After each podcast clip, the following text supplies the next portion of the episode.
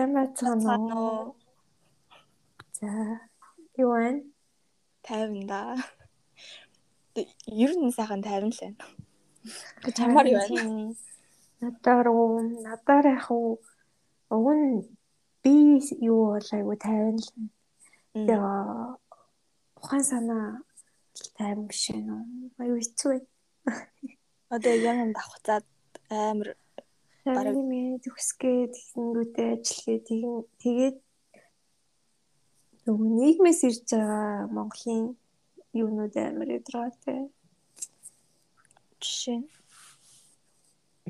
нь яг тээ нөгөө сонгуул болох гэж байгаа.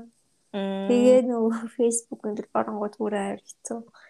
Боо юу фэйсбુક дээр явахаа бол болсон байж байгаа. Гэхдээ хаяа орчлаа бол та. Тэгээ инстаграм ч гэсэн ялгаагүй болцсон блээ. Ер нь бол болсон. Ер нь бол мөнгөний төлөө л хүмүүс үзэл бодлоо худалдаж байна. Тийм ээ. Тэгээд би нэр энд сонгуульд уг нь саналаа өгөхгүй бүртгүүлсэн байсан шүү. Өгчтааг бол чистэй муу мэш. Тий. Уг нь ихлээд амар идэвхтэй өгнөгээд энэ чинь нөгөө нэг урдчлсан мөрсгөл хийж байгаа шүү дээ онлайн дээр. Тэгээ материалуудаа явуулаад бүртгүүлчээд тэг яг өгөх гэжсэн чинь тэр өдөр нь орой 10 хүртэл аавна гэд яг ажил амжиг байхгүй. Гэтэ тэрнээс өмнө бүртгэлийг харсан чинь энд ч одоо бараг 50 мянган хүн яг нөгөө нэг юу гэдэг лээ. Хууль ёсоор одоо оршин сууж байгаа хүмүүс нь дор аж 50 мянга байгаа. Тэгээд тэндээс өртөөсөн мянган хүн бүртгүүлсэн байсан шүү дээ. Тийм бохоо. Тэгээд одоо нэг хотхны хүн хүрэхгүй зү бараг. Тийм. Тэрэнд нь нөгөө яаж бүртгүүлэхээ зарим мэдэхгүй л байгаа л та. Юмны очрыг олохгүй л. Тийм юм болсон. Зарим нь бол ажлынхаа аж ахуйр төгдөг.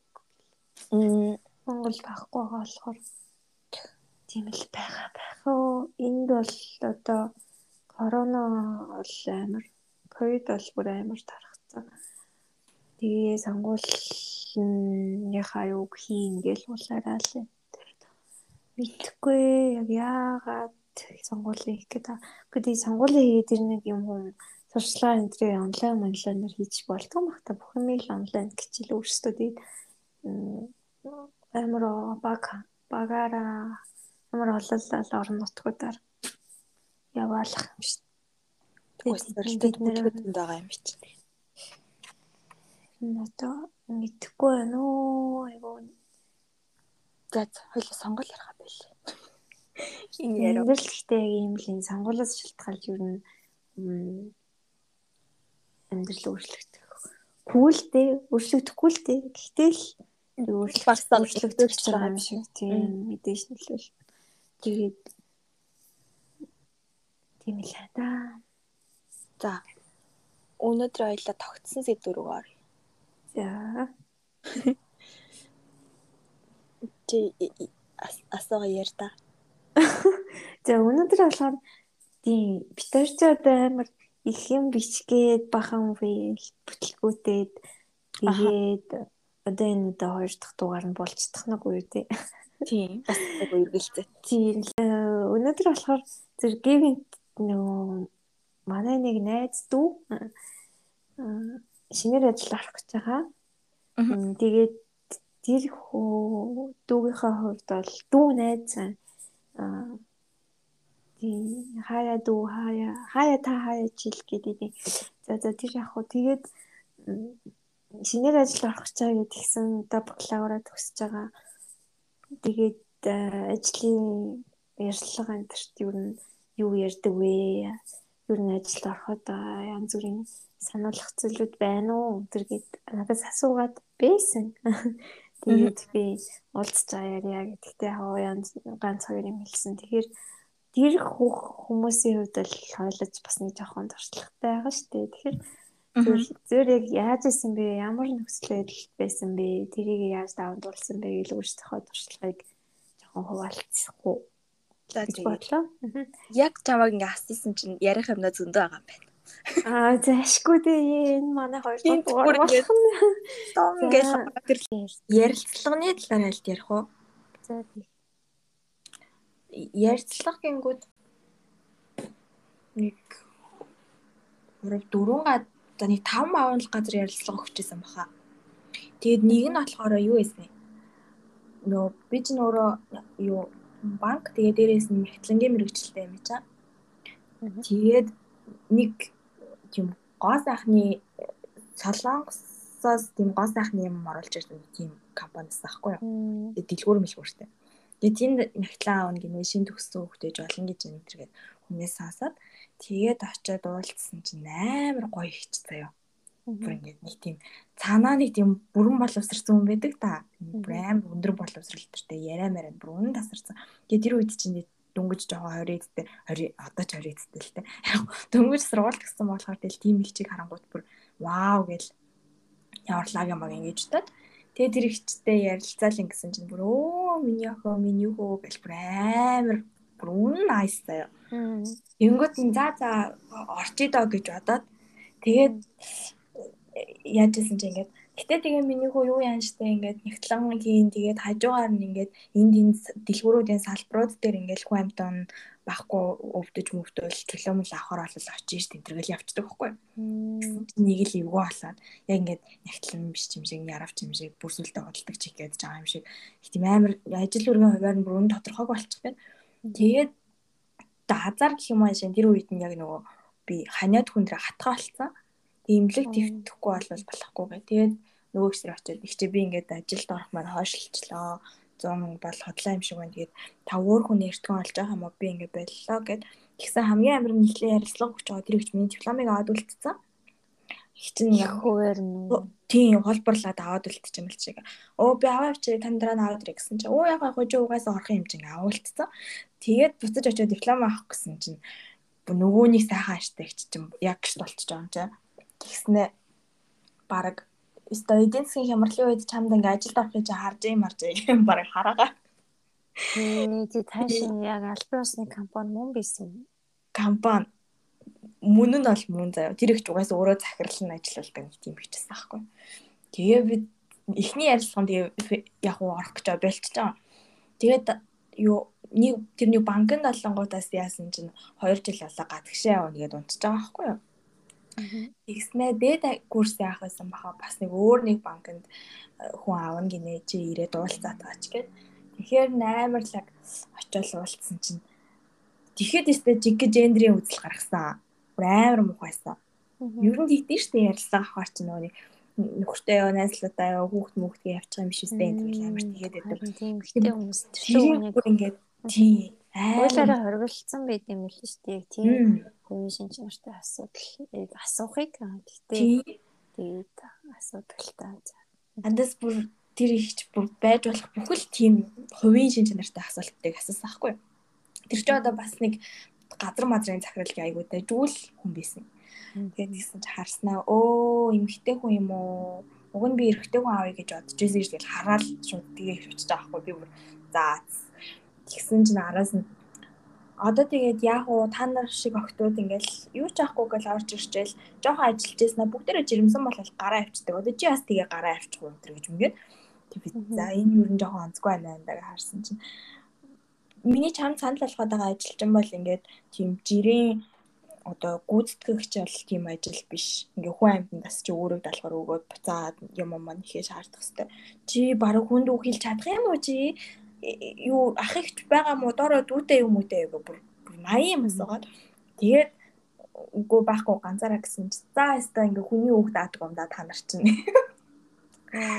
Алин ганц мөн залхаар тэгээд юм л ингээ тушгаа хэмжүүлээ яваад өгөн хүний үг мөг даахгүй айгүй хэцүү хэцүү тэгээ би баг за за ихчээ би боллоо юм баг өөр гараад. Тэр өстэй амар байсан тэгэл явж байгаа л хамгийн сүлд ажиллаж байсан газараа орж ирсэн тогвол тэгэхэд чамаас ярьлага авсан уу? Авсан. Хүний нөөцөөс хүн байсан юм уу? Байгаагүй. Харин тийм. Надаас тэгсэн. Миний нөөц амралтаа авсан байсан. Би бас тэгсэн. Харин дээр яг эмэгтэйчүүдийн хувьд яг тийм одоо хүний нөөцийн мэрэгчлэн яг ажлын ярилцлаганд ямар зүйлс асуух вэ гэдэг чинь нэг тогтцсон Тэгээд ёс зүйтэй асуултууд бас асууж байна. Ингээ бодсон чинь миний тэр ярилцлага хүчээсэн газруудаас аль нь ч бол хүний нөөцийн мэрэгчлэлт нь байгаагүй байна. Дандаа захирлууд нь л хэлсэн юм байна. Аа. Тэгэхээр том байгууллага бол том л юм лээ. За миний хувьд бол би аа яг төгсчөөд нөгөө ажил дээр сургууль дээр ирдэ штэ банкнууд банкуд юу тэрэндээ л бол би нөгөө банкнд орохгүй гэдэг байр байр суурьны үднээс л тэднэрт нь бол анкет өгөөгүй а сүүл рүүгээ нөгөө нэг яг бидний төгсөх үед өмнөх төгсөлтийнхэн маань ингээ харангууд яг эдийн засгийн сэргийлтийн үед ч юм уу төгсөөд амар бүгд баг ингээд булаацалтаад ажилд орцсон баггүй юу? Харангууд. Тэгээд би болохоор яг тийм төсөөлөлтөөс энэ төгсөх үедээ тийм ажиллагаа сангаалтай олончдод бас жоохон амрын амрын энэ гэж бодоод амрах хэрэгтэй гэрийнхэн гээд амарч явчаад тэгээ босож ирээд ажилд орох гээд за тэгээд нөө угаасаа гайвуу гэсэн банкудад ингээд бүгэлж өгч байгаа. Тэгэнгүүт за эхний банкнд оронгууд би чинь нөгөө сургуулаа төгссөн. Га за эдийн засгийн чиглэлээр бол Монгол номер 1 сургуулийн номер 1 анги гэж явдаг анги төгссөн. Тэгэхээр тэгэнгүүт захирлууд болоод ирэнгүүт дээлэр дээлэр хийж одоо бидний тэр хүмүүсийн нүдээр бол бид нар чинь ингээ юуч мэдэхгүй шаарч чадахгүй шинхэн нөө ямар ажлыг олох хэсэг байгаа шүү дээ. Яг одоо бодонгууд. Тэнгүүд юус тэлэр хийхгүйгээд тэгээд тэр за эдийн засгч бол хийл хийе бас амар сонголттой. Нүн даварсан байгаа байхгүй. Яг яг тэр байр суурьнаар одоогийн үнцгээс харангууд тэгээд тэр шалгалтандаа би би шалгалтандаа бүтэл одоо тэнцээгүй тэр чинь айгүй олон шаттай шалгалт авч байгаа. Шалгалтанд нь бол шууд тэнцэж байгаа. Би тэр банкнд хоёр удаа өгсөн. Сүүл тэр нь за дараа нь үргэлжлэх тэгээд эхний хал шатнд хүний нөөцийн ярилцлаганд би бол тэнцэж. Намайг барыг тань таниад байгаа юм уу? Би нөгөө өмнө дадлага хийсэн болохоор яг таниад байгаа байхгүй юу? Тэгэнгүүт аа тэр чинь нөгөө захирлууд нь за яг одоо нөгөө ажилтнаа авч ажиллуулах яг дээд түвшний удирдлагууд нь орж ирэнгүүт би яг унчаад унцсан байхгүй юу? Мэдээж тэр чинь багаас нь туршлахгүй хүнийг зүгээр л тэлэр хийлгэн штэ. Тэр тэрэн дээр одоо яг яаж алдсан бэ? Тэр банкнд би дадлага хийчихэд шууд анкетаа өгөөгүй Тэгээ шууд анкетаа өгсөн бол нөгөө дадлага хийсэн одоо газар маань одоо төв төв салбарын эрсдэлтээр нь хийсэн. Эрсдлийн газар нь яг авах сонирхолтой. Бэсэн юм бэлээ сүүлд нөгөө надтай хамт дадлага хийжсэн хүүхдээс асуухад энэ намайг асуусан гэдэг ч аахгүй. Юу. За тэгээд тэр нь бүтлгүүл өөр нэг банкнд орсон.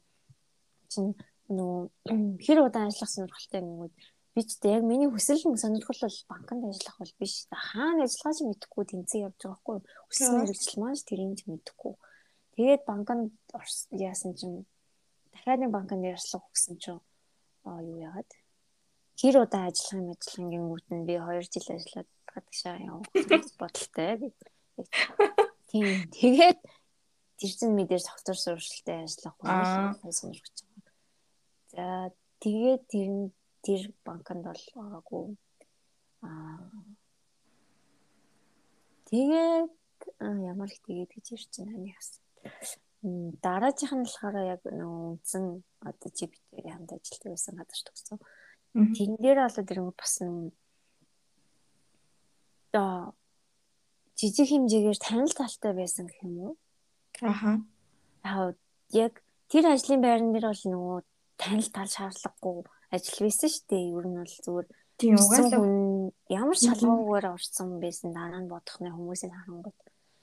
Мм тийм дараа нь одоо нэг тийм ажил байгаа гинэ гэд одоо таньдаг хүнээр дамжуулаад тэгээд ярьцлаганд ороод ярьцлагын хувьд цэцэрчээд ямар ч шүүлтүргүй нэг хоёр газрын захиралчлал хоёр захирал орж хүний нөөц нь байхгүй тийм болсон.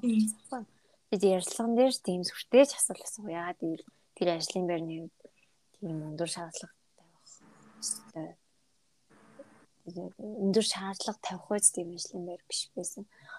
За тэгээд тэр нь тэр ажилдаа ороод тэгээд би нүү бас амар олон нэлээ олон газар ярьцлага өгсөн. Тэр хугацаанд ч одоо би үнцэн ажилтан болоогүй явдаг байсан шүү дээ. Тэгэнгүүт тэгээд тэрнээс сэтгэлээр унаад хэр удсан бэ? Бараг жил 100 л яасан юм да. Дахиад зөндөө ярилцлаганд ороо заяа. Аа. Анкадууд бөглж өгөөд өмнө өгсөн банкндаа өгөөд тэгээс дахиад ярилцлагынхаа шатанд нь унаад бүр сэтгэлээр унтсан тэр чинь ингээд бусад хүмүүс бол ял гэдэг үнсэн ажилдаа ороод ингээд читрээ авсан мэт би одоо үндсэн гэсэн ажилтны статусгүй яг удаа авсан байхгүй яг миний байр суурьны өдөр чинь ингээд уналт болчихж байгаа байхгүй юу миний байр суурь зүгээр хаа хүлээлтийн хувьд энэ чинь ингээд хүлээж исэн үр дүн маань биш болчоод тэгээд би дахиад нэг жижиг банкнд ярилцлаганд ороод тэр нь тэр тэр хүний нөөцөл үнэхээр гэж байсан. Жижиг банкнд ярилцлага нөгөөд өө чийстэй англи английн дээр асуулт асуугаад би ингээд TOEFL бэлдэж байгаа гэдгсэн. За чийстэй TOEFL-ийн шалгалтынхаа юу бодохгүй авах байхаа. Гэхдээ тэр байршлын байр нь бас яг тэнцээгүй аа. Тэгэнгүүтээ өөр салбарын салбар дээр ажиллах юу байна гэд очдөг байхгүй юу? Тэгээ тэр үед ч одоо ингээд ажил явж байгаа. Би чи ингээд ажлын ажлын ярилцлаган дээр уруулаад хад өнгөөр будах ёсгүй гэсэн юм байдаг үлээ. Яг тийм нарийн мэдгүй. Яг нарийн тийм би за мэдээгүй. Ми би өөрийнхөө одоо бүр тийм амар тод өнгөрч бутаагүй. Тэгээд аа тэр салбар дээр нэрлүүлсэн залуу хүн айгу дажгуулаг хүн шиг харагдсан байна. Залуу хүн залуу захирал байсан. Эрэгтэй залуу захирал Тэгсэн тэгээ би ярьлага өгөөд гэсэн чинь жийстэй болоогүй байна. Үгүй юу болоогүй. Энэ юунд тэнцэхгүй байна. Маа багт уурч ажиллахад нийцэхгүй байна. За за за окей. Тэгээд тэгснэ дараа одоо чи ярьлага ярьлаганд орохдоо үсээ боогоод ууруула бүдэг өнгөр будах ёстой гэдэг үлээ. Би тэгээ бүр тий Тэгээд тэр үедээ бодож авах нь яриач бас тийм байт юм болов. Чин би ажлынхаа дундуур гараад ярилцлаганд орсон шүү дээ. Тэгэхээр бас нэрэж тийм байх хэрэгтэй юм болов гэж бас бодож исэн. Тэгээд одоо ингэ асуулт асуусан чи яг юун сонирхолтой би өөрөө өөрийнхөө тухай сайн мэдэхгүй байгаа байж тэр хүний асуултанд хариулахаар айгу худлаа сонсгдсон шүү дээ. Яаж бодсон. Юун сонирхолтой юм за би эрсдлийн чиглэлээр явах сонирхолтой. Тэгэнгүүт эрсдлийн тухай ингэ асуух би баруун юу ч мэдэхгүй. Тэгсэн мөртлөө зүгээр л нөө хийсүр юм а тэр юм ийм гоё юм. Би тэр чиглэлийг гоё юм байна. Яг өөрийнхөө хүсэл сонирхлыг олоогүй, өөрөө дотроо олоогүй байж хүн тийм асуулт асуумууд мэдээж тэр чинь хариулт нь ямар сонсогдох нь ойлгомжтой шүү дээ. Тэгээд бүр ингээд үйл хөдлөх хөрөнгийн зуучийн газар хүртэл би ярьцлага өгчээсэн заяа. Тэгээд тэр газар нь бүр үнэхээр нэр ажлын орчин орчин хээр авах юм байхгүй. Офс мовс чиж нэг амар нилээ хуучин байранд байдаг за. Тэгээд цалин хэвс ч их айгу баг. Тэгэхээр тэгээ ярьсанаарсан тэгээ намайг нилээ олон одоо ингээд айгу сонин сонин тэнгүүд өдөрлөг дээр нь очиод ярьж эхний ээлжний хүн ярьслаханд авч байгаа байхгүй юу. За тэгээ дараагийн ээлжин нэргингүүд нэг юм өөр офис дээр одоо тэр газар нь том газар биш байсан болохоор хүний нөөц ч юм уу эсвэл удирдлагын төвчний шийдвэр гаргах хүн өөр офис дээр өөр ажил хийдэг хүн байсан болов уу? Тэгээс одоо гахал нэрэн бичсэн юм. Тэгээд асуугуудыг бас яг сайн мэдхгүй заяа. Миний хариулт амарсан. Би тэр газар орохыг хүсээгүй болохоор надад ямар ч тийм хичээл зүтгэл харагдахгүй шүү дээ.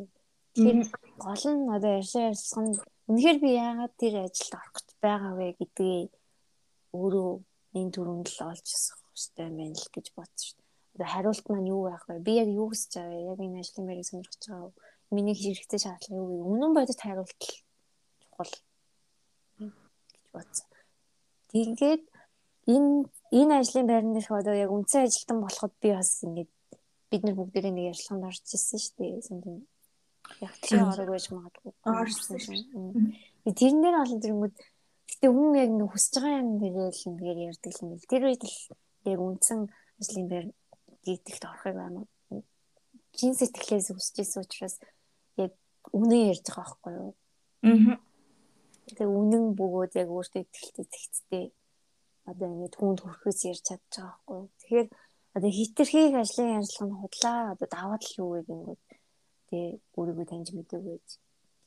Даваад л суултал уу? Бас яг ажлын ярилцлагын хувьд даваад л суултал гэдэг чинь одоогийн байр суурьны нэг юм хийсэр асуулт болчиход байгаа байхгүй. Хүн өөрөө өөрийгөө ингээд за дүгнж болно. Тэгэнгүүт хинч цул тал гэдэг тэгэнгүүт үнэн хэрэгтэй сул талаа хинж үнээр нь хэлэх үү хэрэв үнээр нь хэллээ гэхэд тухайн хүн нь тухайн ажлын ажил хурлагч нь үнээр нь хэлээх тухайн ажилд авах гэж байгаа тал нь үнэн хэлсэн хариултанд нь үнслээ тухайн хүнийг авах уу авахгүй л авахгүй л гэж таараас.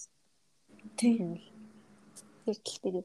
За тэгээд тэрний тэрний дараа би ажилд орсон байж байгаа ажлаа солих шийдвэр одоо нэлээд удаан ажиллаж байгаад ажлаа солих шийдвэр гаргахтаа бас ингээд ярилцлаганд орж исэн.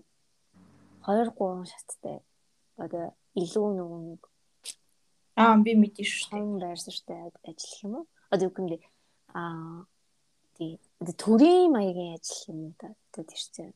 Аа. Тэгээд тэрнээр шалгалт өгөөд яг миний нөгөө нэг хүсэжсэн ажлын байрандаа бол би шалгалтаа өгөөд тэнцээгүй.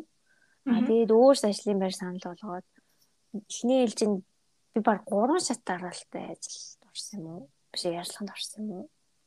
Тэр тэр газар ороход тэгээд тэр чихлээ надад шалгалт байгаа. Шинэ газар болохоор орчуулга энэ төрлийн шалгалт байгаа. Өөр бас бас орчуулах хэлгээд ингээд нэг юм жижигхэн тест авч байгаа. Тэгээд тэр хугацаанд дид дарга юм уу? Дид дарга нь уулзж байгаа.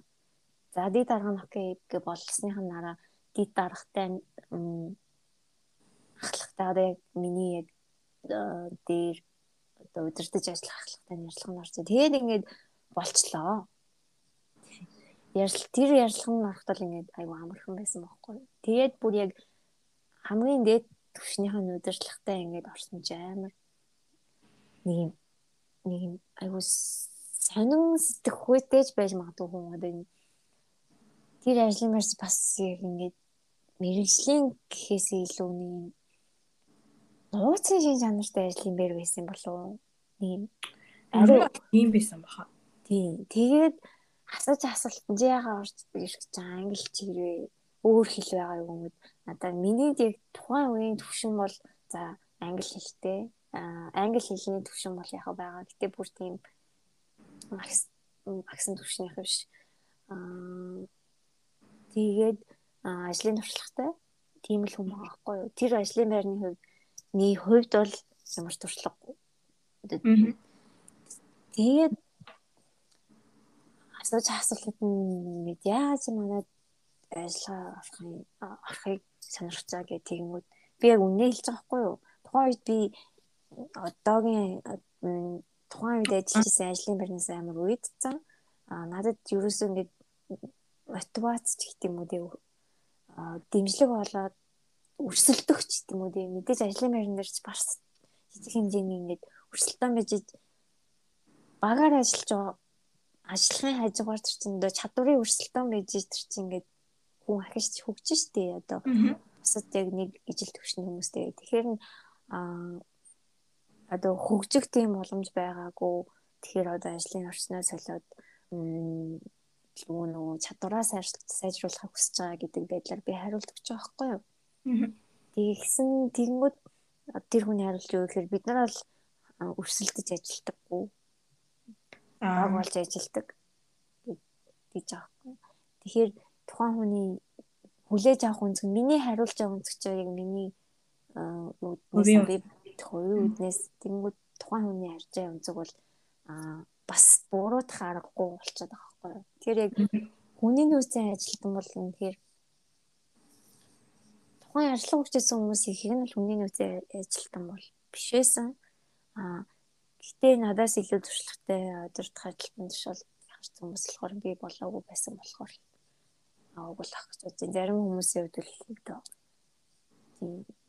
Тэгээд би тэр ажлын байранд тэнцгийн хувьд бол тэнцсэн. Гэтэ тэр чинь нэг юм нууцын зэрэглэлтэй ч гэдэм айгууг шалгад юм элэ. Тийм ажлын байранд ч орохын тулд одоо жишээл тагнуулаас ч гэдэм үү тий. Одоо миний манай гэр бүлийн байдлыг ч гэдэм үү шалгах тийм асуудал болсон. Нэг нь болсон л юм байл л дээ сүүлд мэдхний одоо. Тэгээ би тэр чинь ингээ хүлээлт үүссэн байгаа шүү дээ. Ажлын байраа солих гээд. Тий. Тэгээд би ч одоо яг өөрийнхөө удирдлагт удирдлах за би ингээд сольж магадгүй шүү гэдгээ хэлсэн. Тэгээ хүлээл үүсгээд зөндөө хүлээсэн чинь тэгээд би мэдээж уцтаж асууж байгаа шүү дээ. Тэгэхээр тухайн ажлын байранд би сонирхож байгаа гэдгээ илэрхийлэх нь бол уцтаж асуух нь бас зүйний хэрэгээр уцтаж асуугаад одоо дээшээ батлуулах гээд өгцөн. Тэгээ хариу ирээгүй байна. Тэгтээ аюу олон шатлаг намжлагтай юм л дээ. Зүгээр жижигхэн компанисан бол мэдээж тэр удирдлага зөвшөөрсөн бол ингээд шууд л ажилд орчиж байгаа. Тэгтэл тэр чинь ингээд төрийн аюу олон шат дагаалтай. Тэгээд тэр ажлын байр нь яаж чад онцлогтой ажлын байр байсан болох аюу их шалгалт явуулт эхэлсэн юм лээ. Тэгээд цалингийн хувьд одоо яг шууд асуух үйгүй байдаг тий.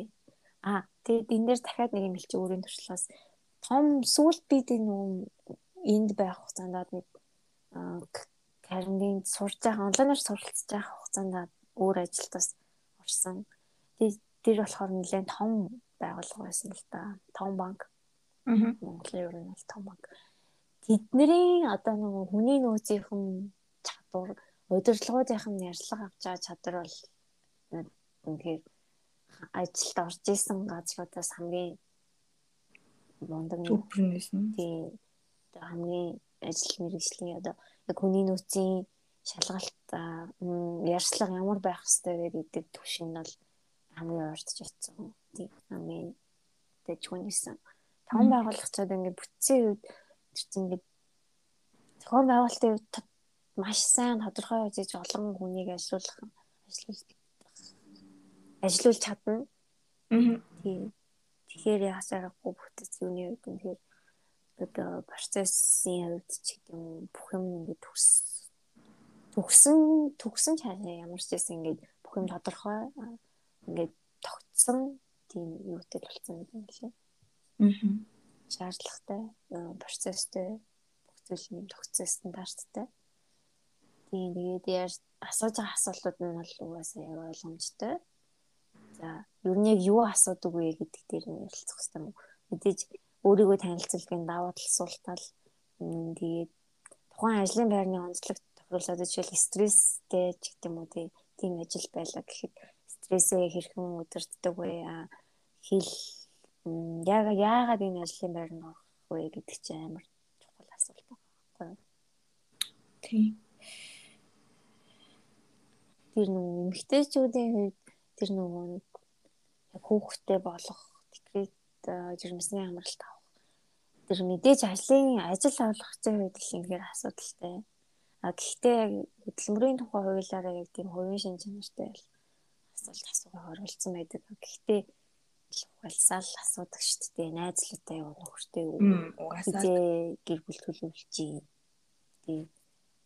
Тэгээ доор хаяж гол нь нөхцөл тогтоорог тэр нь тэрийг нь заавал биелүүлэх албагүй л дээ хэрвээ хүн одоо 2 жилийн хугацаанд жимсийн амралтаа авахгүй шууж гэдэг юм. Нэг гэрэн дээр ингээ байдаггүй ч гэсэн нэг ам маягаар тий ам маягаар заавал асуудаг юм хтэйчүүдээс тийм тэгээд тэрийг бол хариултыг ам маягаар ам өчгөө бол угаасаа баг бүх юм хтэйчүүд бах уу? Өгсөн хэцүү тий Гэтэ яг мэдээж хүн хүүхдтэй болох гэдэг чинь хүний эрх асуудал учраас нэгэнд хүүхдтэй болсон тохиолдолд бол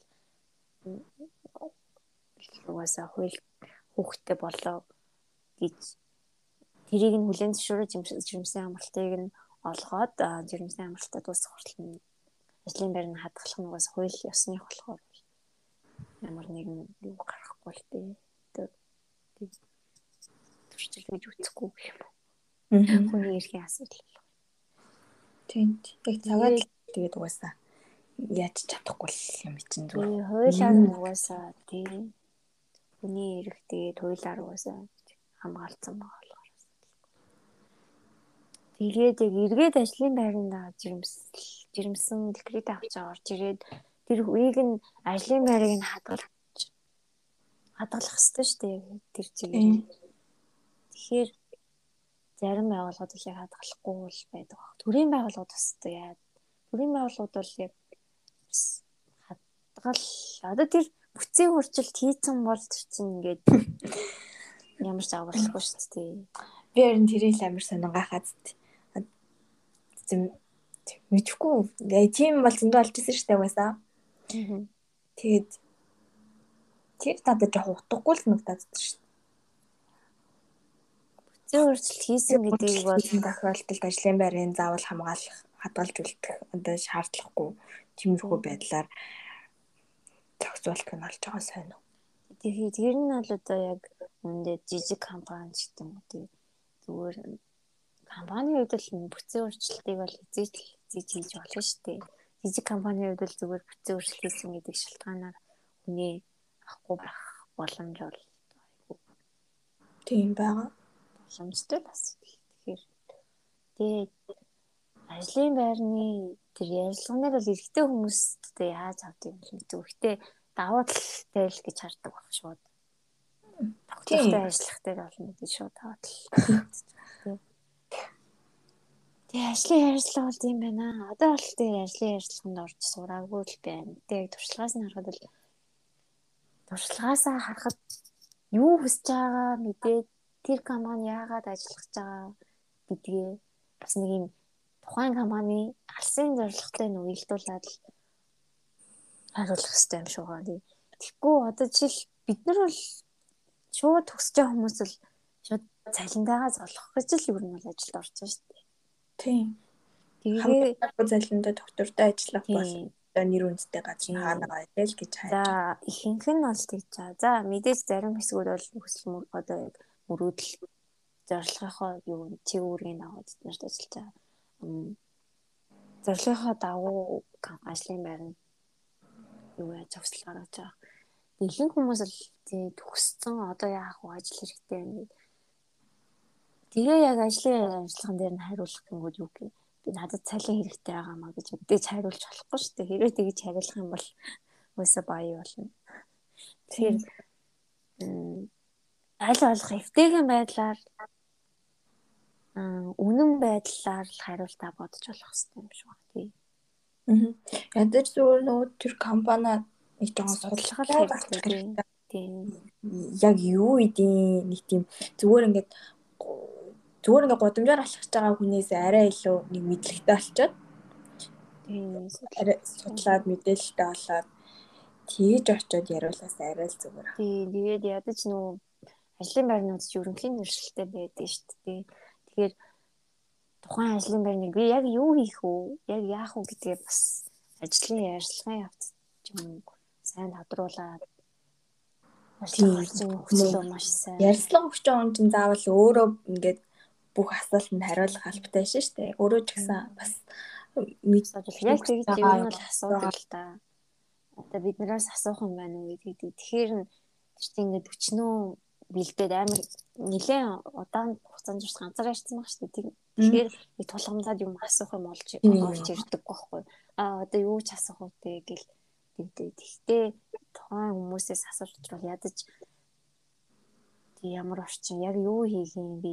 Яг ямар хүмүүстэй яг ямар чиглэлээр ажиллах уу гэдгийг тодорхойлох хэрэгтэй. Тэгэхгүйгээр шууд ажилд орох дэврэн хүслээр хүслээрээ шууд тэгэл орчдөг дараа нь хийж байгаа юм чи ерөөсө тодорхойгүй байгаад байлаас. За нэг ярилцлага энэ өгөөд тэгээд ажилда орох талаар ярьлаа шүү дээ. Тэмүүт тэр нөгөө нэг уналтын талаар ярил л та. Тэгээ уналт болтол бас хөөх юм болно шүү дээ чи нэр нь. Тэгээ ажилд орлоо тэгмүү шин бахан шин ах их нэртэй танилцсан тэгээ Тэгээд угаасаа. Тий. Эхний тэдний хувьд бидний хувьд ч ингээл амар тогтолтой хүлээлттэй. Ороод очиж штэ. Яа нэ. Тэгээ эхний өдрөө бол ингээд хийх юм олдохгүй. Яа, тэр бүр амар гэдэг. Айгүй хэцүү. Тэгтэл одоо ингээд Аа гэхдээ бас хоёлаа арай гайгүй юм шүү. Нөгөө угаасаа ингээд явж исэн ажилтанд орсон болохоор яхав. Гэхдээ яхав бас л тий өөр юмнууд ч юм бас хэцүү яг харилцангууд Тэгээд хийх юмнууд нь тодорхой биш. Тэгээд хүлээлттэй гэдэг энэ хүүхдэд юу ийдээ гэд зарим ажлын байрал. Тэгээд зарим хийх юм тодорхой ч гэсэн тэр хүүхд ч одоо шууд хийж чадахгүй шүү дээ. Тэгэхээр заа түр байж гэдэг хэлтэй байна зэ нэг тэгэл амар журам гаргаад өгчсөн шүү дээ. Уншаад ижээ гэх. Уншаад ижил тэгээд журмын уншаад яах юм яах юм. Заахад тодорхой ойлголттой болгох ч гэсэн яах чи. Тэгээд тэгэнгүүт яг дотор нэг юм байдаг те. Одоо яана би одоо юу хийх ёстой юм болоо гэж ингээ байн асуух ёстой юм шиг хичээл сэтгэлийг харуулах ёстой юм шиг Ааха ингээ зүгээр ахаар ингээ амар зүгээр ахаар аюу хэцүү. Ийм нэг ямар амар санаачлахгүй гарвэ гэж бодчих юм шиг санагдаад. Тэгээ нэг хүнээс ингээ яах вэ гэдэг ангууд нэг ажил хийж байгаа хүнээс юу болгож гэдэг байгаа юм шиг санагдаад. Тэгээ бүр нэг юм нөгөө юу гэдэг вүлээ нүд нүд биш. Нэм. Хүнээс ингээ санаа зовоод ингээ нүдэнд альцчаал ингээ нэг яах вэ болоод айгу хэцүү байдаг шүү дээ яг нэг тийм байдалтай аль байдсан шүү. Тэгэхээр хоёр дахь өөр ажилд орохоор чинь шал өөр юм лээ. Тэгээ үеийг нь тодорхой аягүй туршлага дээр анхны ажлын байр бол яг ч сэтгэл тоногдсон хэцүү. Яг тэр тохиолдолд бол одоо санаа зовлогоор яг юу хийх хэвтэй. Үнэхээр хийгээд дууссан бол хийгээд дуусчлаа. Одоо яг юу хийх гэдгийг л зөвхөн асуух хэрэгтэй юм шүү. Аа бүх юм тодорхой, хариулт тодорхой, асуулт тодорхой байх ч одоо тодорхой бус байдал чи айгүй хүний шийдвэр гаргалт нөлөөлөөд хэцүү гэж сэтгэл санааны явдаж гисэн тэгэхээр бүх юм тодорхой. Тэгээ одоо нэг хүмүүстэй хаач ингээд өөр болсон юм шиг. Амар настай шиг сонсогдсон. Үгүй ээ тийм ер нь тэр чинь бас үе үеийн хоорондын зай шал өөр юм биш шүү дээ орчны хувьд бид нар чинь ингээд шал өөр орчин төссөн байгаа байхгүй. Тэр тийм л байна. Тэгээд хүмүүстэй харьцах харилцаа гэдэг тийм ингээд хит бас ингээд амар гялтагдаад амар онцгүй тийм амар онцгүй. Тухайн хүн ч гэсэн ингээд натурал биш байга өөрийнх нь цаанаас ундарч гарч ирж байгаа биш. Хит характерыг анзааруулсан тийм. Тэгэхээр тийх ястай бол нөө шинээр ажилд орж байгаа хүмүүсээс илүү нөгөө хуучин байгаа хүмүүс чинь ерөөдөө амар юмыг гадарлаад нэг тийм гярхаалцсан байдаг тийм.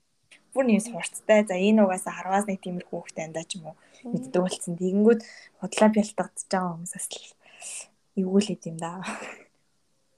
Тэгээд гол нь чин сэтгэлээс шээ хүндлэл бол байх хэрэгтэй Тэгээ хүндлэлийн асуудлыг бас гараад ирэнгүүт жоохон ананер жоохон хэцүү байдаг те. Яг ингээд бүр нэг ихчээ гэж ингэж ярьж болох юм уу? Хэлүүлгээд. Тийм. Гэтэ одоо ингээд бодохоор амар сайн аа. Нөгөө уг нь ажлын байр штэ тий. Тэгтээ нөгөө яг яалтчгүй нэг ахаа ихчээ гэд хэлэхээс рүү аргагүй тэр үний ч одоо нэрээр нь дууд хаар чинь яг нэг Монгол соёл бол биш болчиход байгаа. Энэ дэр бас юу хэцүү. За захирал ахлахын хувьд л захирал ахлах. Тийм. Дижил хүмүүсээ наснаар нь яг англиад дахаа хичээг гэхгүй болохоор амар айгүй мэдрэмж хардна. Тэгэнгүүт үеийнгийн хүн байж агаад одоо ахаа хичээг гэж дуударлах хүсэлтэй хүмүүс бас байна. Ахаа хичээг гэж дуударлах хүсэлгүй үеийнгийн юм шиг байх бас нөхөлтэй хүмүүс бас байна. Тийм насны хувьд залуу хүн харагдсан хэрэгтэй одоо ах ихч болохоо. Би бол бүгдийг ахаа байсан шүү. Тэгэхээр нэг юм эвгүй тэгээд яаж сэтгэх болгоно тэдний хувьд ингээд төхөөний хувьд өөр болохоор яг юу гэж за өөр оронд бол за тэр гэл аваа яаж дуудсан юм бол тийм ахаа хичээл ав гэж Монголын хэлтэй байна. Тэгээд яг ингээд бодомж юм ажлын соёлоо хувийн соёлтойгоо ч ингээд боломжит соёлтойгоо ч гэдэг юм уу бодох гэж тийм үү. Тэгээд шинэ орсон хүмүүс ингээд айгу дуулахртай бүх юмд л ингээд гүйх ёстой л байдаг. Чамны баган жиргэн. Тэгээд янз бүрийн дэлгүүр дэлгүүр оршоо гарч юм бол гэж юм. Тэр гүйхээс л ураад гүйх хэрэгтэй юм шиг байгаа юм л та. ийм ийм тогтсон соёл үүсэж байна. Тийм нэг яг аа ажлын байрч юм шиг нэг тийм дундаа ороод байгаа юм шиг болчоор нэг бас жоохон амир эвгүй идэг шүү дээ. Тийм ялангуяа нөгөө өөрөөсөө насаар ахмад хүмүүс ахмад жоохт одоо насаар ах их хүмүүстэй ингээд яг ажил явах гэхээр амир эвгүй. Нэг тиймэрхүү юмуд бас ер нь бийдэг баха. Тэгэл суурал бах та. Тэгээ нүн ажлын байрнаас гадна одоо тэр нөгөө юу айгу хэцүү дээ. Ажлын байр ажлын бус цагийн ажлынхаа дагаа өнгөрөөх идэвхжүүлэлтийг гэж хэлээ шоудлт. Аа. Тэн дээр бол яах шаргагүй шинэ хүмүүсийг амар шахах үзэгдэл бол зарим хуучинсаг байгууллагуудад бол бай хэврэл байгаа. Тэнцэнгуу архиулах тал дээр бол за харцангуу одоо орчин үеийд хүүний сонголт гэж үдж байгаа ч гэсэн уух хэвтэй гэсэн үзлээр уулгатай газрууд нийтлэг байж байгаа л бодож. Тэгээ яг хилдэг те. Ууд сурах ёстой. Уух гэдэг чинь нэг ёсны эрдэм эрдэм гэж юм. Тийм, тийм юм. Тэндээс юм байсан. Наснасаа олон сонсон доо тийм. Уус. Тэгээд айгүй тэд уух нэгэн тэрсэн ажлын байр дээр байдаг юм чи. Тэгээд тэн дээр надад нэг гол нь бүр нэг олны нүдэнд хүртэх хэрэггүй юм шиг байгаа тий. Тэгээд олон нүдэнд хүрчингүүд бүр ингэж олон тэр хүн л үгээд айд хийд шүү дээ. Тий. Нэг юм надад тийм дээр болсон би уудаггүй гэж хэлж болохгүй. Тэгэх юм бол чамайг бүр аа. Би уухгүй тэгэнгүүт бүр ингэж нэр ууж чаддгүй хүмүүс байж болно шүү дээ. За эрүүл мэндийн шалтгаан бол тэрийг үнээр хэлээд ойлгуулах хэрэгтэй. Яг өөртөө итгэлтэй гэж. Тэгэхгүй ингээ хоёрын хооронд би ууж чадахгүй ууж болохгүй гонор гэхээр чинь хүн болохгүй нэг улам хийх хүсэл нь тэгээд тэгээд үнээр эрүүл мэндийн шалтгаантай бол тэрийг шууд баттай хэлээд аа яг тэгээд нэг ууцсан хүмүүсийнхаа vibe одоо тэр уур амьсгалт нэгдээд нэг айтайхан харагдах хэвээр тий. Тэр аюул хэцүү таалагдахгүйсэн ч гэсэн одоо ингээл хүсдэггүйсэн ч гэсэн зарим юм хийх шаардлагатай болдог шиг таалагдахгүйсэн ч гэсэн одоо ингээд хүний ярианд ингээд нийлээд баярлж байгаа ч юм уу. Тий ярианых нь тэр болж байгаа уур амьсгалын нийтгэл хэрэгтэй уусгах хэрэгтэй. Тэгээд огт бистэ уухгүй уухгүй уурлчаас болохгүй тий. Уурч юм бол дараа нь чинь нөгөө уур амьсгал ирдэн. Уур амьсгалыг дээ ард нь дараа нь тэгээ тэр өстө сонин юм аа нэг сонин хөхт мөх тэгээ зүгээр амрын ингийн ажлын байран дээр ирэнгүүт тэгж хэлдэг тий. Тийм сонин хүндийн нөхцөлөд л үүсдэг юм. Тэр одоо нэг айл олглах их нарын хавтыг аргалах хэрэгтэй л бах та. Их сайхан хэмжээгэнд харуулаад. Тийм тэгэхээр нэр оо уухад яг 3 3 татхад асуудалгүй байдаг бол тэрийг нь одоо эвтэйх нь хэлээ хаал уух ёстой гэж байгаа биш л те. Гэтэ яах ч аргагүй тийм өсөлөд л тулгардаг. Тийм. Ийм харилцааны бас уур чадвар юм тий. Тийм штэ. Тэр чинь би ямар нөхцөлтэй харьцаа. Тийм манад бол угаас надаас дүү хүмүүс байгаагүй дээ дандаа. Үүд нэг хагас жил юм л орчин байсан бэл. Тэрнээс өмнө дандаа нөгөө ах ихчнэр байдаг гэсэн болохоор би дандаа дандаа багна. Тэгээд хамт тэгэл гой уучруулаад явдаг байсан да. Тэг хаач тийм муухай хүмүүстэй бол таараагүй ер нь ажилласан залуучуудтай ажилласан болохоор ажлаа солиод би чинь ажлаа солисон үед бол яах заргуу бүр шал өөр орчинд орчин болсон. Шал өөр соёл. Уултын соёл өдр шал өөр л юм шиг. Тийм. Насдөртөм айгу хөгшин. Ажиллаж исэн газрын хүмүүс ч амар дэжгүй хүмүүс үсэн шүү дээ. Тийм. Өөрсөн хүмүүс байсан. Тэгээд тэг ямар ч хүмүүстэй бас таараа илээ одоо чинь бас хэцүү л цаг үе хэцүү л болсон л асуудал. Тэгэхээр одоо нэг үнэхээр чи одоо шоудаад ууж чадахгүй уугаа тасардаг бол чинь орсон бас хамт олон дээр тааруулаад нэр уухгүй байж болно. Уу гэвэн штэ. Үнээр би ууцсан байж л би үнээр муухай одоо ингэ уур амьсгал үсхийг уур амьсгалыг чи бүрдүүлэх тааж мэдэхгүй штэ. Уугаад одоо оюун санаа чинь одоо тасарсан бол лавгүй тэгсэн чинь тэгсэн болоод ингээд муухай хаашин дээр гаргадаг ч юм уу эсвэл тэрийгэ мэдхгүй бол бас шинэ ажлынхаа хамт олон те бас хитрхий дэж хэтрүүлж бас ууж болохгүй шүү. Эвтэйхэн л доо. Жинхэнэ Эндийн барыг нуух соёлын талаар тусдан ойлоо ярих хэрэгтэй биш. Гэхдээ тийм айхтар туршлагатай биш болохоор ингээ ажлын байранд тулгардаг үнэн л юм ярьж байгаа байхгүй юу. Тэл зугаалга болно би. Чи ингээд огтшаал өөр танихгүй бахан хүмүүстэй ингээд хотоос зайдуу очиод тэр чинь тэгэл яах чадахгүй Монголын зугаалга тэгэл уун штий. Тэгэхээр одоо яаж би авч явах вэ? Ямар хүмүүстэй яаж харьцах бас маш болгоомжтой. Тэгээд байхгүй бол бас хэцүү л гэдгийг Тэр донд чинь яг сайн үнэн болно л доо. Гэтэ бас нэг тий эрэгтэй хүмүүс элэг эрэгтэй хүмүүс чинь одоо жишээлбэл зодон эрүүл зодон маргаан маш эрсдэлтэй. Тэгээ одоо залуу хүүхдүүд байлаа ёо за гэлээ. Тэгээ эмэгтэй хүмүүс харсан байгаа би л сайн хамгаалж хэрэгтэй л байна. Зэнсийг хасаас Чөөрэй дийлээ шүү. Тэгээ өөр ажлын байран дээр тулгардаг асуудлууд юу вэ? Загнууллаад асуудалд орж исэн? Уйлж исэн. Око. Уйлж байгаагүй. Око юу уйлж исэн. Гэтэ тэр нь нөгөө ажилласаа гарахтаа л уйлж исэн. Тэр нь гэтэ нөгөө захиралтайгаа ярилцлагыг уйлж исэн. Тэгээд тэрнээс иш нөгөө яг одоо ажлын байр нэр одоо гэтээ ингээл нөгөө алдаа малтаас гаргаж байгаа юм зөндөө байгаа шүү дээ. Тэрэн дээр аль гэтээ нөгөө амар тэгж загиндаг бол хүмүүс байгаагүй шүү дээ. Тэгээд энэ орсон хүмүүстэй зэ загнахгүй л хальтаа. Тийм. Тэгээд их тийм амар ингээ хүн дээр тусгаж мусгаж аваад тэгж уйлж исэн юм бол байхгүй.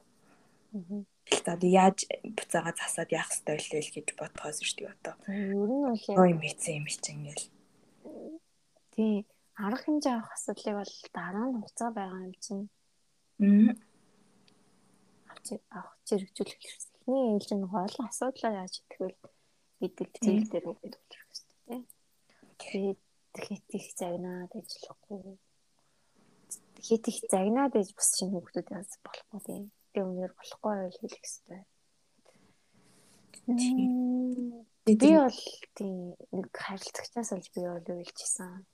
Тэгээд тэр чинь айгүй хэцүү харилцагч таарад.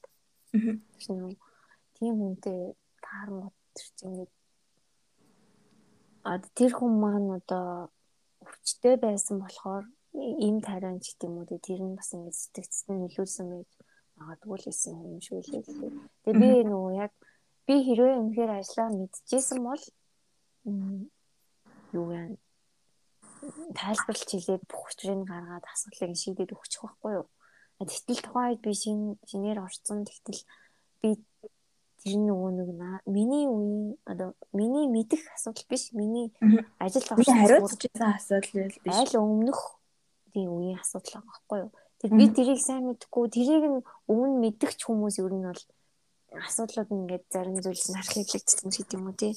Тийм асуудал байгаад тэр хүнтэй уулзгарч би мэдэхгүй тэгтэл тэр хүн надад асуудлаа шийдвэрлэхээ яаж чаад өвчтэй хүн гэдэг үзэстэй гэдэг. Тэгээ тэр хүн чинь баг ухаан алдаж унаа. Нэг хүмүүс амсаад би тэнд чинь яхаа мэдэхгүй. Ингээд над руу амар дайлт ирээд тэгээд би яхаа мэдэхгүй илжсэн. Тэгэхээр нэг би ажиллаа мэддэг байсан бол тэр хүн мэдчихсэн асуудлын хүрээнд л би хариултаа өгөөр асуудлыг шийдэх гэж. Гэтэл тэр асуудлыг би мэдгүй надад нь тодорхой хариулт мэдгүй учраас аюу асуудал гарчихсан. Тэгэхээр ажиллаа бол сайн хийхдээ тухайн хамт бол тухайн нөхцөл байдалтаас тэгээд хүнтэй харилцах харилцааны үед заяа бүх зүйл харилцаан дээр тогтож байгаа болохоор Тэгээ шинэ орсон ажилтан ингээд одоо жишээл өөр хүмүүстэй харилцдаг ажил тий. Байгаа бол ажил дээр хамт олноос гадна нөгөө нэг ажлын шугамар харилцдаг хүмүүстэй чи чамайг шин гэдэг үүднээс шинэ ажилт нь жоохон ажилтан гэдэг үүднээс хандаад ч гэдэг юм уу тий.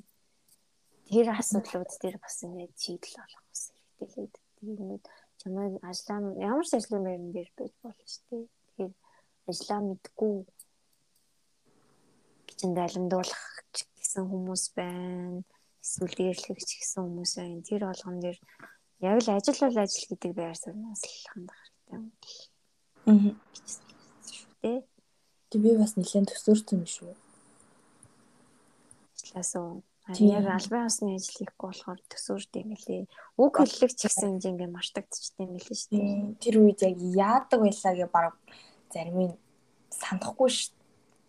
Уг нь 2 жил гарам болсон ч нас л төсөөрт юм байна. Төсөөрт юм лээ. Дундуур нэгтгэхтэй ажил хийжсэн төсөөрт юм л тэр чи яг чигээр.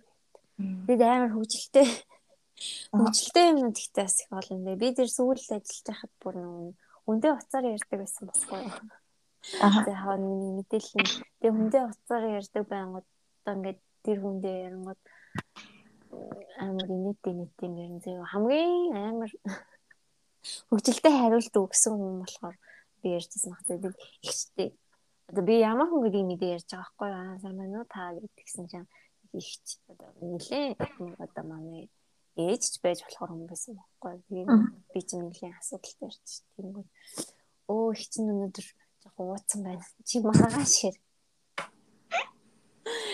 Гэхдээ чи хэлэнгуй чинь За үнэ хэллээ. Тэгээ би тэр ууцсан хүн гэж одоо юу ч ярих гээд тэгээд би ч аюу их ингээд уурч юм ярих гэж төлөвлөж байгаа штэ асуудал шийдгээд. Тэгэнгүүт өөдөөс өлч нь ууцсан байна уу? Миний дүү маргааш ир гэдэг өнгөт. Хүн ямар ч хэлэх үггүй болт юм л штэ. Аа за за гэл. Тэгэл тасалж байгаа юм чинь тэгээд би нөгөө юм асуудлаа шийдэх мантай. Тэгээд за за ямар хөвгчлөлтэй хүмүүс янз янзын хүмүүстэй л харьцсан юм л та.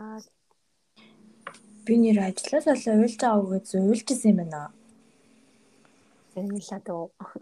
Үгүй тэр нөгөө нэг ингээд амар асуудалтай амнуудаас зөндөө хардаг. Тэгэл харилцагчтай юм уу гэл тэгээ тэрий чинь нөгөө өдөр болгоо ингээд хараал хацаар арай л ингэж ингэж байжгаад нөгөө гэртээ очихоор хямардаг байсан тэрнээс болоод. Тэр донд ч ингээл бүр янз янзын л асуудалтай юмсан шүү дээ. Тэгээд тэрнээс болоод амар хямраад гэртээ арай уйлдаг байсан. Тийм тэр чинь тийм. Сүүлдээ нэг хэсэг болоод ингээд тасаад тэгээ нөгөө өмнө нь ингээд бараг уйлдаг байсан юм аа ингээд бүр тоохоо ойлаад тэгэнгүүт ингээд гівэнд одоо ингэж тоохоо болох нь зүг юм болов уу буруу юм болов уу хүн чанарын хувьд бас тэгж байгаа. Тийм амар ингээ эвгүй ийм ингээ хүн одоо хатуужны гэдэг чинь нэг өөр штэ тий. Тэгмүүд хатуу болно гэдэг чинь бас нэг өөр утга штэ. Тэгээ нэг хатуужих гэхээс илүү нэг юм бүр амар дотроос ингээ хатуу болоод ам шиг санагдаад. Тэгээд тэр бас айгүй эмзэг тусдаг байсан. Тийм билээ. Тэр миний сүүлийн дээр ажиллаж исэн ажил бол яах чарахгүй. Тэгээд яг ажлын ажиллагааны асуудал асахгүй юу. Тэр чинь айгүй стресстэй ажил шүү тий. Айгүйх олон хүнтэй харьцдаг гэж болохоор стрессээ яаж тайлдаг вэ гэж хэлсэн. Тэгээд тий яг ажлын үед бол тэгэл ажиллаа. Ажлын цаг дуусаад ажиллаа мартаж сурах шаардлагатай байл. Ажлын бус цагаар бол ажиллаа үнэхээр хийх хэрэггүй. Тэгээд яг нэг ярьж тий хүний төлөө ингээд ажиллаж байгаа юм ажиллаж байгаа маргааш тий өглөө нэг тийм үг гэдэг. Тэгээ маргааш чи ямар нэг ажил дээр чадах бол чиний дараа чи нэг олж авах магадгүй ч гэдэг. Нэг амар үгнүүд яваад байдаг шүү дээ. Тэр тэр гэхдээ хэрвээ үнэхээр анханасаа ажиллаа тийм хандлагаар хийвэл бас буруу баха тийм. Тэгвэр үнэхээр л тухайн цаг үед чи тэр ажиллаа хийж байгаа бол бүх цаг тухайн цаг үедээ чин сэтгэлээсээ бүх зүйлээ зориулах хэрэгтэй. Аа тий За дараа нь чиний үе зорилго бол өөр ээж болно. Тэрийг ажлын бус цагаар бол хийх хэрэгтэй. Одоо нэгэнт нэгэнт хийж байгаа бол хийсэн шиг л хийх хэрэгтэй гэдэг зарчмыг илүүлжлэх хүснэ гэж боддог шүү дээ. Нэг тийм байгууллага хүнээр дутхгүй шүү гэдэг хэлцэмтэй сонсч байсан. Тийм байгууллага бол хүнээр дутхгүй нь ойлгомжтой. Аа өөрийнхөө одоо жишээл бүх зүйлээ бол зориулах бол шаардлагагүй шүү дээ. Тэгээ илүү цагаар ажиллаад одоо ажил амьдралаа ажил амьдрал биш зөвхөн ажлын төлөө явах бол хэрэггүй аа. Ажлын цагтаа чи юу гэхтэй бол тухайн ажиллаад хийх ёстой. Тухайн цаг үедээ хийх ёстой зүйлээ бол болтол нь хийгээл тэрнээс гадуур бол чи өөрийнхөө хувийн зүйлээ ажиллал Гэтэ тэр байгууллага хүнээр тутахгүйгээд байгаа гэж нь одоо ажил хийж байгаа хүний өнцгөөс харах юм бол одоо чинийгээр тайлбарлаж байна шүү дээ. Тэнгүүд нөгөө ажил олох чинь зүгээс тэгэж яхаа нь надад бүр амар утгахгүй санагддаг. Нэг юм ингээд роботууд ингээд ажиллаулж байгаа юм шиг. Одоо ингээд за чи тэгээд яахгүй бол ингээд солиход бол ерөөсөө асуудалгүй гэсэн нэг тийм юм арай нэг тийм онцгүй хандлага. Тэрийг илэрхийлж болохгүй л дээ хүний нүцэн. Хүний нүц ч юм уу эсвэл байгууллага нь тэрийг тэгээ яг үндэ бол байгууллага үнээр дутхгүй гэдэг нь үнэн шүү дээ. Тухайн байгууллага ч гэсэн за гарлаа гэхэд өөр хүнийг нь бол олоод авнаа. Өөр хүн туршлагыг нь м туршлагын дээр суух ч бас нэлийн цаг хугацаа авах л байна л та. Тэгээ байгууллага үнээр дутхгүй гэдэг үгийг нь няцаатал нь одоо ажиллах хэрэгтэй юм болов уу? Гэтэ ингээд нөгөө одоо одоо энэ чинь болохгүй байхад тэр чинь би л ингэж адны эхний 2 3 жил нөгөө амар сэтгэл гаргаж ажилладаг. Ер нь бол тэгэл одоо за ажлын цаг дууслаад шаардлагатай тохиолдолд илүү цаг ажиллана. Аа гэтээ илүү цаг аав авахгүй гэж асуудал байгаа шүү дээ. Тэгээ шүн суулаа барьлаа. За гэртээ арилан амарлаа. Тэгээд ингээд нөө сүултээ ингээд нэг юм үлдсэн юмнууд ингээд бодогдоод ч гэсэн толгоос ингээд гарахалчдаг. За одоо тэр манд байгаа энэ ингэсэн байгаа. Тэрийг ингэжүүл ингээ ингэжүүл. Тэгээ бараг нөгөө буцаж өглөө ажил дээр ингээ юмудаа ингээ эхнээс нь чеклээ дуусаад хахад ингээ амар баярлалтай шүү дээ. Ийм л тахан тайвшраал гэдэг. Тэр тэр чинь бол нөгөө амар сэтгэл гаргаж хийж байгаа шүү дээ ажлаас.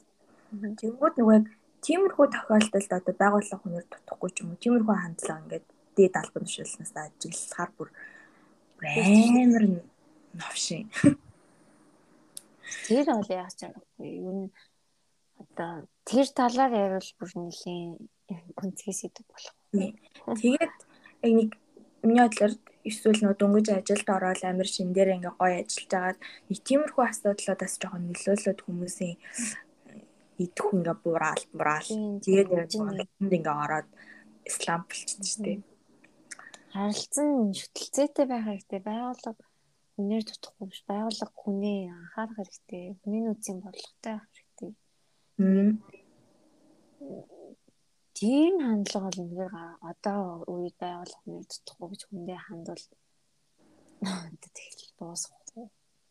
Тэгээ ер нь бол Тийм байж болно шүү дээ. Одоо байгууллага хүнээр туур дараачих нэг болж болно. Гэтэ тухайн чадвартай хүний л хадгалах хэрэгтэй л гэж л ажиллах хэрэгтэй. Яг одоо юу нэр тийм. Тэгээ аль бүхэн дээр нөө баланс хэрэгтэй гэдэг шиг байгууллага хүнээр дутхгүй гэдэг байдлаар ажиллуулж амжилт болохгүй шүү дээ. Байгууллага хүнээр дутхгүй гэдэг хандлагаар ажилтнад хадвал ажил байгуулагч амжилт Тэгэхээр 100% бүх юмныхаа балансыг л харуулах хэрэгтэй л. Одоо өөрөө үнэхээр тухайн ажилтаа карьертэй болохыг тэр альбан тушаал өсдөв ший гэж бодож байгаа л доо. Энэ нэрээжийнхээ нөгөө карьер төлөвлөлт бол бүр амар чухал тий. Карьер төлөвлөлтөө чи баг нэр ас чи баг чи хүн зөвлөд юм байна. Карьер төлөвлөлтөө баг нэр асуух хэрэгтэй. Яах хэрэгтэй. Бүх юм л тодорхойлох хэрэгтэй. Тий. Тийм За за. Одоо одоо яах вэ лээ? Одоо юу? Одоо тэгээд одоо чи тэгээд дахиж ажил хийх сонирхол байна уу чамд? Би чинь Би ч одоо ажилласаа гараад 2 жил гараа байхгүй. Нэг одоохондоо бол яг уу дараа нь ингээл ажиллах л одоо насаараа тэгээд явж ажил хийхгүй байх гэж болохгүй шүү дээ. Гэтэ яг одоохондоо бол ингээд яг ост ингээд бүтэн цагийн ажил хиймээ гэсэн тийм ерөөсөө сэтэл байхгүй. Тийм гэтээ нөгөө ажлын ганц гоё тал нь хамт олон тий. Тийм. Талан завсан ч жаргасан ч хамт олон ч биш туслана хамт олонтойгоо хөвчлөлтэй байна. Яг ингээд нөгөө одоо баг гэр бүл шиг болчихдээ шүү дээ. Одоо баг дотны найзуудаас илүү болчихдээ бол тийм. Тэр одоо болж байгаа юм аа. Амьдралын болж байгаа юм. 5 өдөр тэгээд гэрийг нэгэ харж байгаагаас илүү хугацаагаар тэр хүмүүстэй хамт байна. Тэг бүр бүх юмаа сайхан мэдлцээл тэгэл амар татна болдог. Гоё хамтлан болно тэр гоё л доо. Гоё гоё. Тэр бол нэг ажиллахгүй байгаа хүмүүсийг бодоход нийгмийн одоо ямар нэг бүлэг тариалагдж байгаа мэдрэх боломж гэх юм.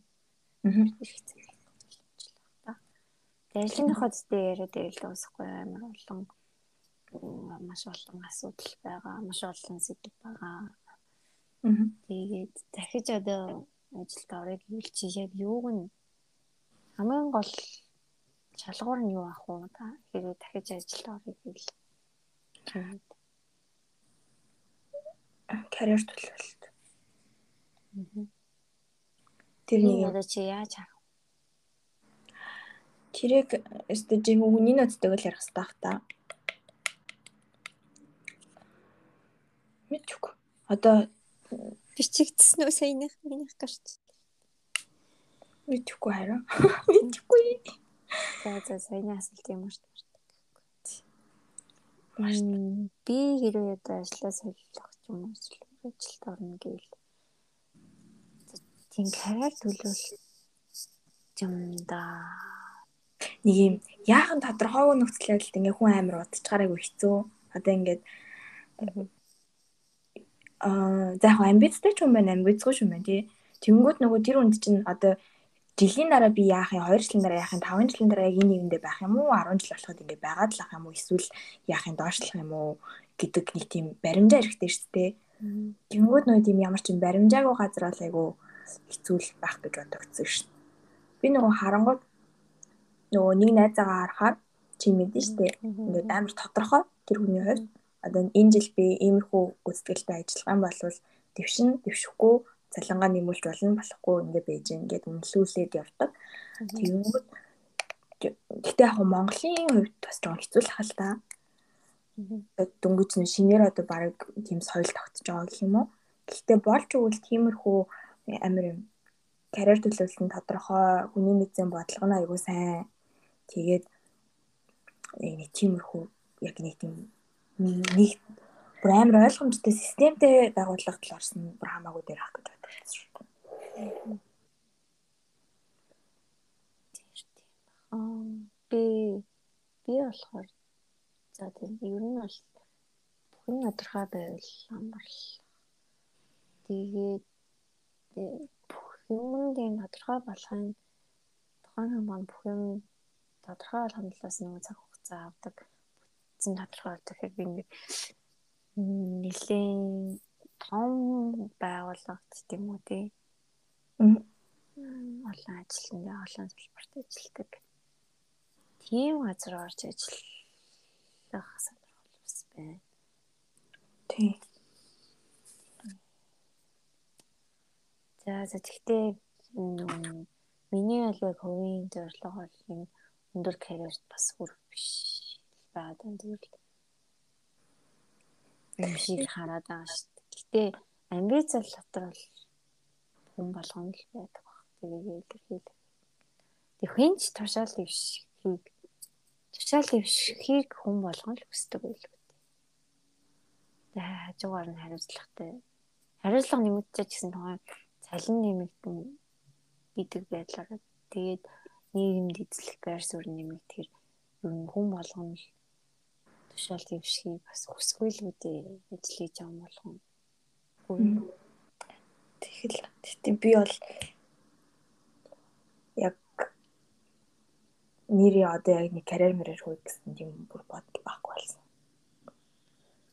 Тийм тэгэхээр үнэ нэг ажил тийм дөнгөж төгсөөд ч юм ингээд шинээр орж явахдаа л ингээд бүх юмыг амар гоё өөдрөгөр харж байгаа шүү дээ. амар өндрөөр бодвол. За одоо нэг 5 жил нар 10 жил нар тэг яг нөгөө нэг ингээд ажил хийгээд явангууд бодит адил дээр тэгдэггүй маань гэдгийг ойлгоод ирэнгүүт нөгөө унтраад идэв. За ер нь хэцүү юм байна да. Гэл тийгэх тусам ер нь карьер өг шаардлага байна уу да гэсэн. Одоо чиний өдний хэлдгээр яг нэг юм хамт олон гэдэг юм л хэрэгтэй байгаа болохоос ш. Тэр бүр амар чухал. Тэрнээс иш амар өндөр карьер энэ төр хөө гэсэн бодол ингээд унаад унаад одоо баг байхгүй л болчихно. Тийм. Тэгээд бас нэг ярьдаг тийм эмэгтэй хүн карьер хоёр яг ингээд жоохон эмэгтэй хүний карьер а хувийн амьдрал хоёр нь өөрөө хамааралтай юм шиг. Аа. Тийм заавал гэтээ нэг карьер алах тийм. Гэтэ ихэнх тохиолдолд ихэнх тохиол ихэнх тохиол ер нь тийм жишээ хандлагууд бас ажиглагдаад байдаг. Гэтэ ингээд карьер сайтай эмэгтэй хүний арслын одоо нөгөө гэр бүл нь бүх ажлыг нь зохицуулдаг сайн. Арын амар сайн дааж явдаг. Тийм бол асуудал болох тий. Үгүй бол бас хэцүү шүү дээ. Тэр чинь нөхрийн одоо нөхрийн сайн байлаа. Гол наав ээж нь одоо гэрхэн сайн байлаа. Аа тийм нөхцөл байдал биш л бол бас нэр карьертайгаа хамт хувийн амьдралаа сайхан зохион байгуулж явах гэдэг бол хүн л ач аах юм гэдэг. Тийм. Тэгэхээр хит их карьер хөвгөө төвийн амьдралаа хаяхгүй юмсан л гэж боддоо шүү дээ. Тэгээ амьдрал байлаг болохоор ч тоглож магадгүй. Гэхдээ нөө бүх зүйлийн хамгийн гол одоо миний хувьд одоо яг ингэж одоогийн баримталж байгаа юм бол бүх зүйлийн тэнцвэр балансыг л юм байна. гэж бодож байна. Яг бүх зүйл. Тэгээ тэглээгээд ингэж бүх зүйлийг баланслах гэж байгаа юм юу гэмээ хүн болгондоо сайхан харцсан. Хүүг биш л дээ. Гэтэ зүгээр томгийн харуулад алаа нэг зүйлийг нэг төлөв нь хитэлэхгүй нөгөө талтай нь ингээд барьж явах юм яг чухал зүйл юм болов уу гэж шүү дээ. Үнэрлээ үед.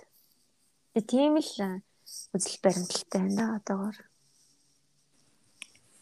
Тийм.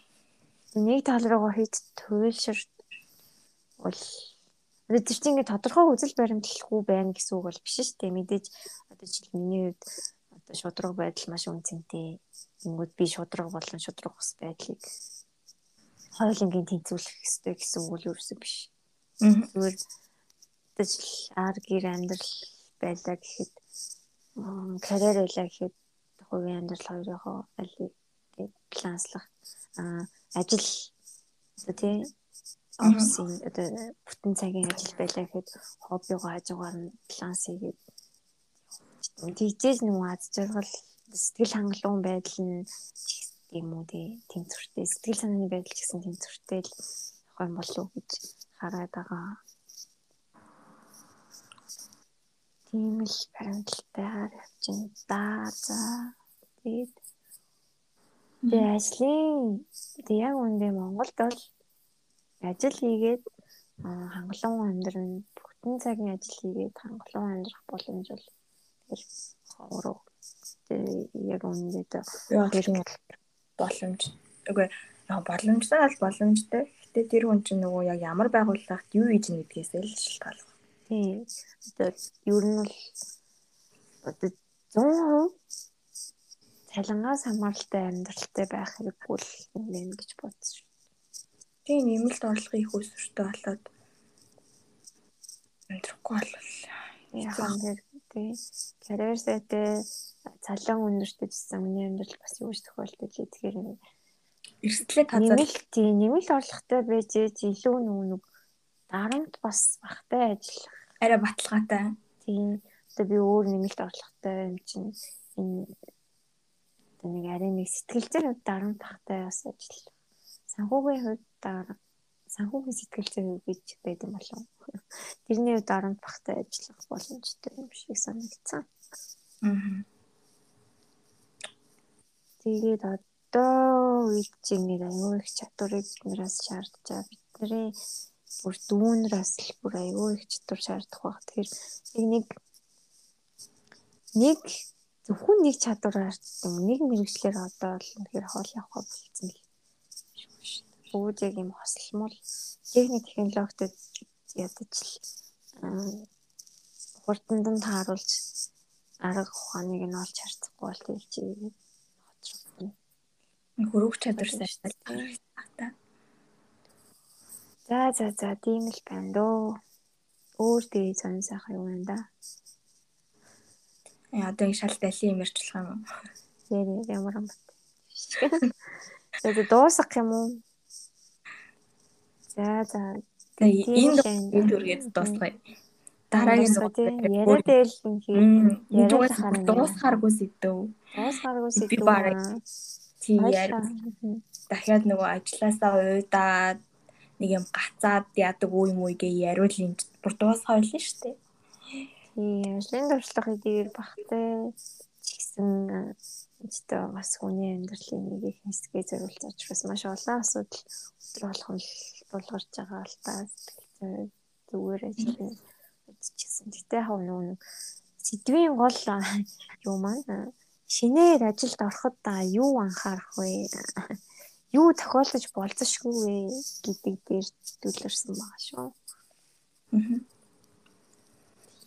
За за тэгээд энэ түрээд өндөрлөе баяртай. Энэ үртэл сонссон бол та үнэхээр төвчээртэй хүн байлаа. За за энэ үртэл сонсон бол баярлалаа. За чи энийгээ болчих. Энэ үртэл сонссон баярлалаа.